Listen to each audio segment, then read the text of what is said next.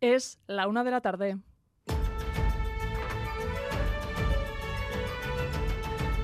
Crónica de Euskadi con Irache Ruiz.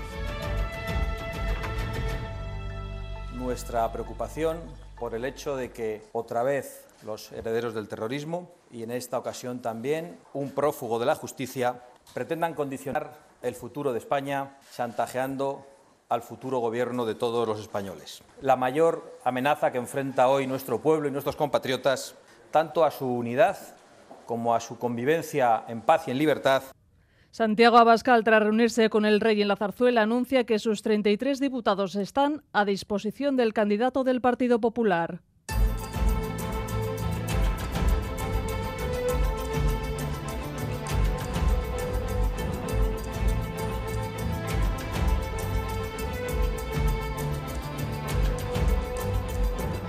A Rachaldeón, ¿qué tal? El anuncio de Abascal se acaba de producir en el Congreso. El presidente de la formación de extrema derecha, en una breve comparecencia sin preguntas, ha dado explicaciones después de haber acudido a la ronda de consultas, después del plante de la semana pasada en el Parlamento. Ahora sí a pero con condiciones. Madrid, Cisaro Baza.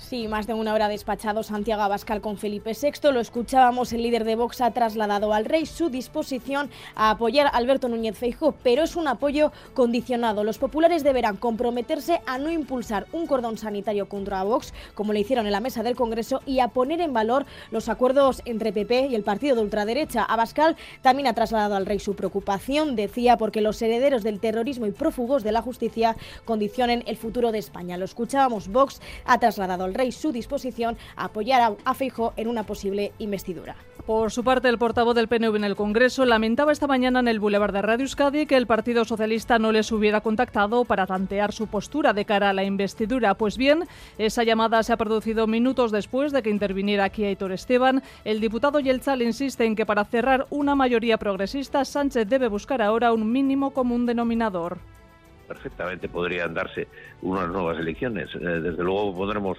eh, en el eh, la carne del asador para que para que pueda evitarse, pero pero la tienen que poner todos, ¿no? Mm. Entonces vamos a ver qué es lo que ocurre y insisto, son combinaciones variadas y además con fuerzas políticas que han tenido un antagonismo a esta hora el rey recibe en audiencia a Pedro Sánchez. Por la tarde, a partir de las 4 hará lo propio con el candidato más votado, Núñez Feijó. ¿Y entonces qué? Pues el monarca está en la tesitura de enviar al candidato que vea más fuerte a un futuro debate de investidura, pero dada la ajustada situación, Fermín Alberdi no se descartan otros escenarios. Felipe VI tiene la opción de esperar o la de dar por buena la propuesta de Feijó con 172. Si decide esperar, volvería a convocar en septiembre a todos, a ver si han avanzado. Si opta por Feijó, el rey seguirá la tradición de darle la primera oportunidad al líder con más escaños, aunque fracase. Abascal, como hemos escuchado, mantiene firme la palabra de dar sus votos a Feijó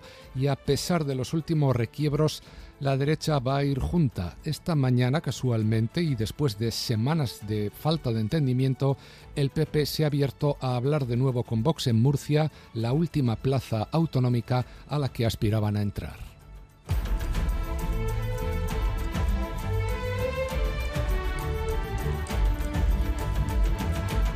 Y continúan declarando ante el juez los cinco detenidos en Tudela por agredir sexualmente a una mujer. A mediodía, la localidad navarra ha denunciado la agresión en una concentración con una nutrida representación institucional. Aguirre.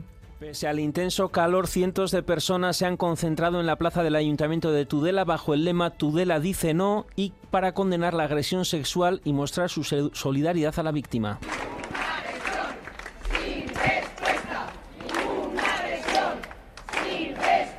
En la concentración en pleno agosto, importante presencia institucional, las instituciones unidas para condenar esta nueva agresión sexual. Alejandro Toquero, alcalde de Tudela, y Félix Taberna, vicepresidente del Gobierno de Navarra, en su primer acto institucional. Condenar, por supuesto, sin paliativos, esta agresión sexual. La condena firma del Gobierno de Navarra como institución. A estas horas siguen declarando ante la jueza de instrucción número 5 de Tudela los cinco detenidos por esa presunta agresión sexual a una mujer de 19 años. A la espera pues de ese auto judicial. Y el cuarto día de fiestas de Bilbao deja la foto en el arenal de los comparseros reprochándole al alcalde Aburto permitir excesos policiales. Denuncian que en el recinto festivo se ha registrado una agresión por parte de una policía municipal fuera de servicio.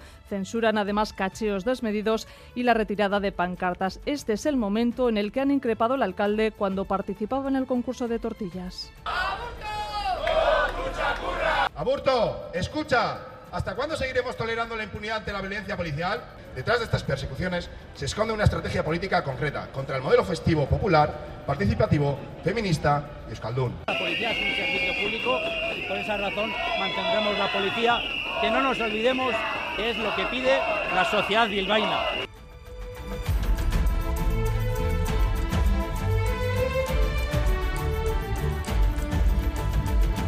Y en página internacional, el jueves Japón comenzará a verter al mar agua radioactiva de la central de Fukushima que ha sido descontaminada. Anuncio del primer ministro nipón que ya ha sido criticado desde China por su peligrosidad, Oscar Pérez. Será el jueves cuando Japón comience a echar al mar el agua que han utilizado para enfriar los reactores dañados durante la catástrofe de Fukushima. Se han utilizado 1,3 millones de toneladas de agua que se ha vuelto radiactiva. El líquido ha sido filtrado y le han quitado buena parte de los elementos radiactivos, pero no todos. El gobierno japonés insiste en la seguridad del vertido y como él muchos científicos. Hay mucha, mucho miedo a esto cuando a mí me da mucho más miedo el mercurio, el arsénico, en fin, y otras muchas cosas que se vierten mar. Le aseguro a usted que con todo lo que está pendiente en Fukushima y con toda la atención que hay con respecto a la radioactividad, no se van a saltar esos límites en absoluto. Es la opinión del catedrático de física atómica Manuel Lozano. Sin embargo, los pescadores de la zona, el gobierno chino y las organizaciones medioambientales no creen que ese vertido sea inocuo en el mar.